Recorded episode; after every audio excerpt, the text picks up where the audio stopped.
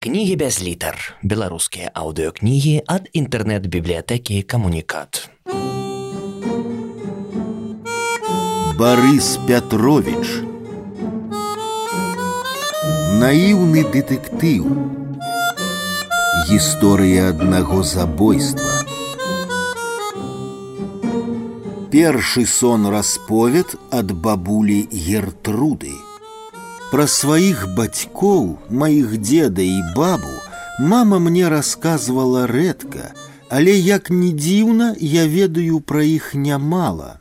Яны былі зацятымі бальшавікамі, камуністамі. Дед хоць і быў тады зусім маладзенькім, паспеў паваяваць у грамадзянскую за чырвоных. З таго і пачаўся ягоны ўзлёт па вайсковай лініі. Бабуля ж была ў рэвалюцыю зусім дзіцём, але потым адной з першых у сваёй вёсцы запісалася ў камсамолкі. Яны сустрэліся, калі бабуля прыехала ў Менск і паступіла на рабфак. Дед працаваў тады ўжо тут у ГПУ. Перад тым ён пабыў чонаўцам, а потым чэкістам. Падрабязнасцяў ягонай службы гэтага часу я не ведаю. У деда распытаць не паспела, ды і не хацеў ён пра тое згадваць, а мяне гэта не дужа цікавіла тады. Ведаю толькі, што сам ён сваёй працай хваліцца не любіў. Магу зрабіць выснову з таго, што потым прачытала пра тых чонаўцаў ды чекістаў, што рукі деда былі ў крыві мой не па локці, а вышэй. Ідэйныя бальшавікі ў тыя гады не спыняліся ні перад чым, таму і перамаглі ў так званую грамадзянскую, а потым паднялі краіну з разрухі, правялі калектывізацыю, знішчылі кулакоў як клас. І ўсім гэтым займаўся мой дзед. Маме маёй не падабалася праца яе бацькі, аднойчы я чула, як яны спрачаліся, я зусім маленькая была і не разумела, за што мама папракае такога добрага деда, які так любіць гуляць са мной, жмякаць і ўсяляк песціць цукеркамі марожаным. Мама казала деду, ці не сняцца табе тыя, у каго страляў. А дед адказваў, што рабіў гэта дзеля вялікай справы, і ўвогуле ён з сялянаў, а селянін, калі вырывае пустазелле на сваім полі, дык не задумваецца і не шкадуе, бо ведае, дзеля чаго тое робіць. Пэўна, вось з-за гэтага дзедавага параўнання людзей з пустазеллем я і запомніла тую гутарку. Пабраліся бабуля і дзед у 1932 ці 33 годзе, дакладна не ведаю. І неўзабаве деда з Беларусі перавялі служыць на поўнач, спачатку ў Ленінград, а потым яшчэ паўночней. Вось адсюль я ведаю трохі болей, бо ў хуткім часе ў бабулі нарадзілася дачка, моя мама. І яна мне расказвала пра сябе і сваіх бацькоў трохі болей. Можа, таму і расказвала, што з'явілася яна на свет пры цікавых абставінах, у якія цяжка паверыць. Але мне падаецца, што такое прыдумаць немагчыма, ды і навошта прыдумляць. Зрэшты, мне цяпер застаецца толькі верыць гэтай сямейнай легендзе, бо перапытаць няма ў каго і пераправерыць няма дзе. Мама моя нарадзілася на адным з караблёў у моры карскага. Ёсць такое каля паўночнага ледавітага акіяна ці ў самім акіяне не ведаю, як сказаць. Карабель, на якім яна была, ішоў услед за ледаколам і вёз у сваіх трумах больш за тысячу зняволеных. Дед быў адным з кіраўнікоў камандзіраў, чырвонаармейцаў наглядчыкаў гпушнікаў якія ахоўвалі гэтых зэкаў сярод якіх большасць былі рэпрэсаваныя як мама казала незаслужана у асноўным інтэлігенцыя вучоныя настаўнікі пісьменнікі ўрачы так было ў тыя гады не данёс ты данеслі на цябе і падзялілі тваё майно, занялі тваю кватэру, пакуль нехта іншы не здаў даносчыка і яго самога ноччу варанок не забраў. Так было паўсюль па ўсёй вялікай краіне, асабліва сярод інтэлігенцыі ды начальства. У Менску на цэнтральнай тады вуліцы савецкай у некаторых кватэрах гаспадары ледзь не па пяць разоў памяняліся. На тым караблі дзед быў, здаецца, камісарам, а можа і не, не ведаю, але тое, што адным з начальнікаў дакладна, бо толькі ім дазволілі ўзяць з сабою жонак. Жанчын на караблі было няшмат, і сярод іх, акрамя маёй бабулі, цяжарная яшчэ адна. Цяжарнасць сваю яны схавалі, каб паехаць з мужамі.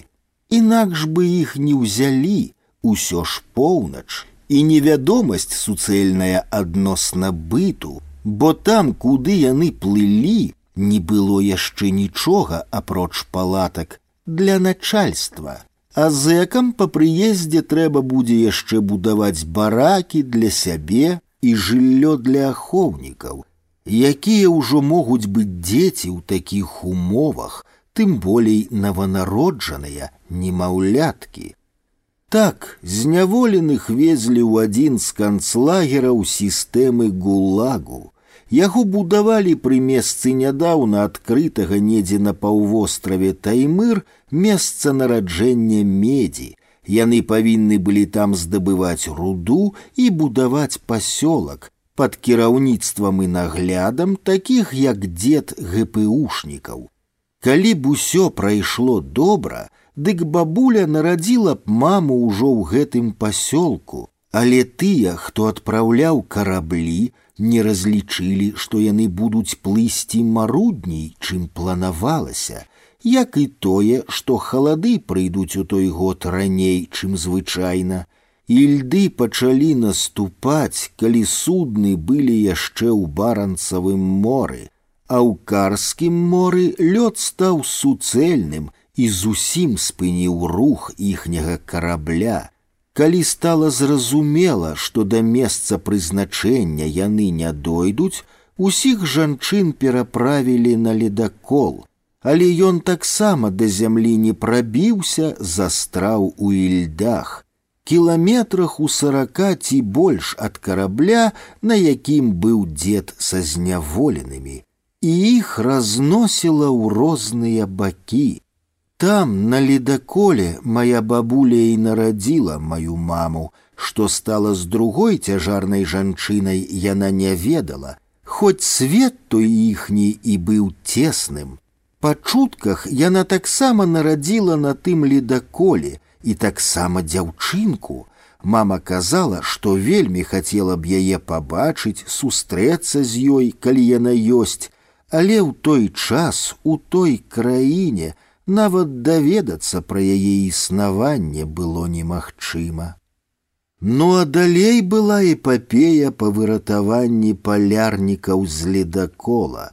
Пра гэта шмат пісалі тады, пра жыццё сярод ільдоў, пра подзвіг саміх сімоўшчыкаў і лётчыкаў, якія іх ратавалі, бабулю з маленькай мамай вывезлі з ільдзіны на вялікую зямлю на самалёце, Пра другі карабель ніхто нідзе не ўспамінаў, і дагэтуль пра яго нічога не пішуць.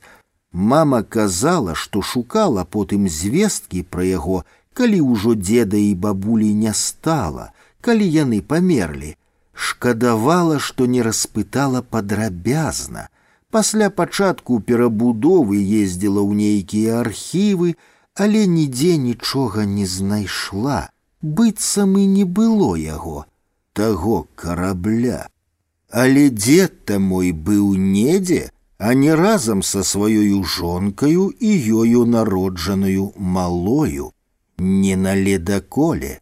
Яна, мама, канечне, гэтага не помніла, але маці ёй дакладна пра тое расказвала, Бабуля казала, даведалася, што стала з другім караблём, толькі калі вярнуўся дзед І тое па крыхах, патроху патроху, слова да слова выпытвала ў яго. Бо не хацеў ён пра тое казаць, аджартоўваўся, адчапіся, гэта ваенная тайна. Дед сказаў толькі, што той карабель таксама затануў, яго ўзарвалі, пра лёс людзей на ім зэкаў, маўчаў, але тое было і так зразумела. Хто тады лічыўся з людзьмі, тым болей зняволенымі.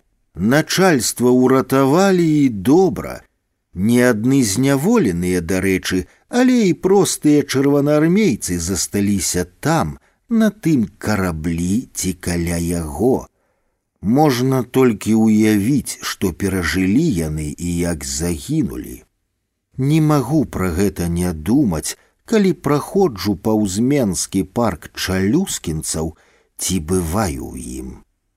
Дзяцінства маёй маці прайшло ў адрозненне ад многіх, а пэўнай большасці яе аднагодкаў, можна сказаць, шчасліва. Мой дзед, яе бацька, быў на добрым рахунку на працы ардэнаносец. Абмінулі яго рэпрэсіі 37 ды наступных гадоў, калі бралі ўсіх, у тым ліку і тых, хто раней браў ды дапытваў іншых. У вайну вялікую айчынную ён не ваяваў. Увесь час быў у тыле, у Маскве, нібыта ў знешняй разведцы, рыхтаваў дыверсійныя групы, якіх закідвалі на акупаваную тэрыторыю, у Беларусь, а потым у Прусію і Польшчу.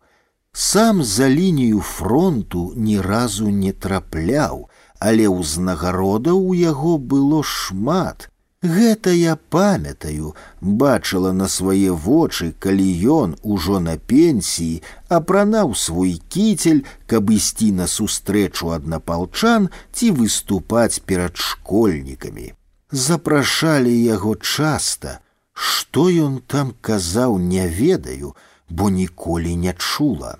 Быў у яго і ордэн Леніна і некалькі чырвонага сцяга і яшчэ шмат іншых, а медалёў увогуле не злічыць. Мы не захавалі іх, мама не хацела, паклала ўсе ў ягоную труну разам з тым кіцелем. Пра перадваенны час і пра вайну мама згадвала мала, бо малой была да вайны толькі першы клас паспела скончыць. У сорок пятым колькі ёй там было, усяго адзінаццаць, а вось пра пасляваенныя гады расказвала шмат, бо тады пачаліся ў яе канфлікты з бацькамі. Жылі яны ў Маскве, дзед быў падпалкоўнікам, сваёй адзінай дачцы яны ні ў чым не адмаўлялі. І ў падлеткавым узросце, нагледзеўшыся трафейных фільмаў пра жыццё ў Амерыцы, пра каханне іхняе замежнае прыгожае, яна пачала кантактаваць з так званай залатой моладдзю, разбэшчанымі дастаткам і ўсёўладнасцю бацькоў дзецьмі высокага начальства. Гэта ўжо быў пачатак пяцідзясятых. Тады Сталін у апошнія гады свайго жыцця, пра што ён зразумела не здагадваўся, распачаў новую хвалю рэпрэсіяў, супраць урачоў, забойцаў у белых халатах. І ў міністэрства дзяржаўнай бяспекі, дзе служыў, не хачу казаць, працаваў. Дед работы прыбавілася. Дед баяўся, што з-за разгульнай і нястрымнай дачкі зацікавяцца і ім. А яна жыла нібыта ў іншай краіне, закінула вучобу ва ўніверсітэце, мяняла кавалераў, знікала на некалькі дзён, гуляла словам, на заўвагі бацькоў не зважала, а потым і ўвогуле збегла з дому з каханкам. Дурная была, ой, дурная, казала мне мама потым. Сямнаццаць-восемнаццаць гадоў усяго жыцця не бачыла, Гэта потым, калі наўпрост сутыкнулася з ім, паразумнела. Але бацькоў сваіх яна, я ведала, не любіла, дужа не любіла. Thank you.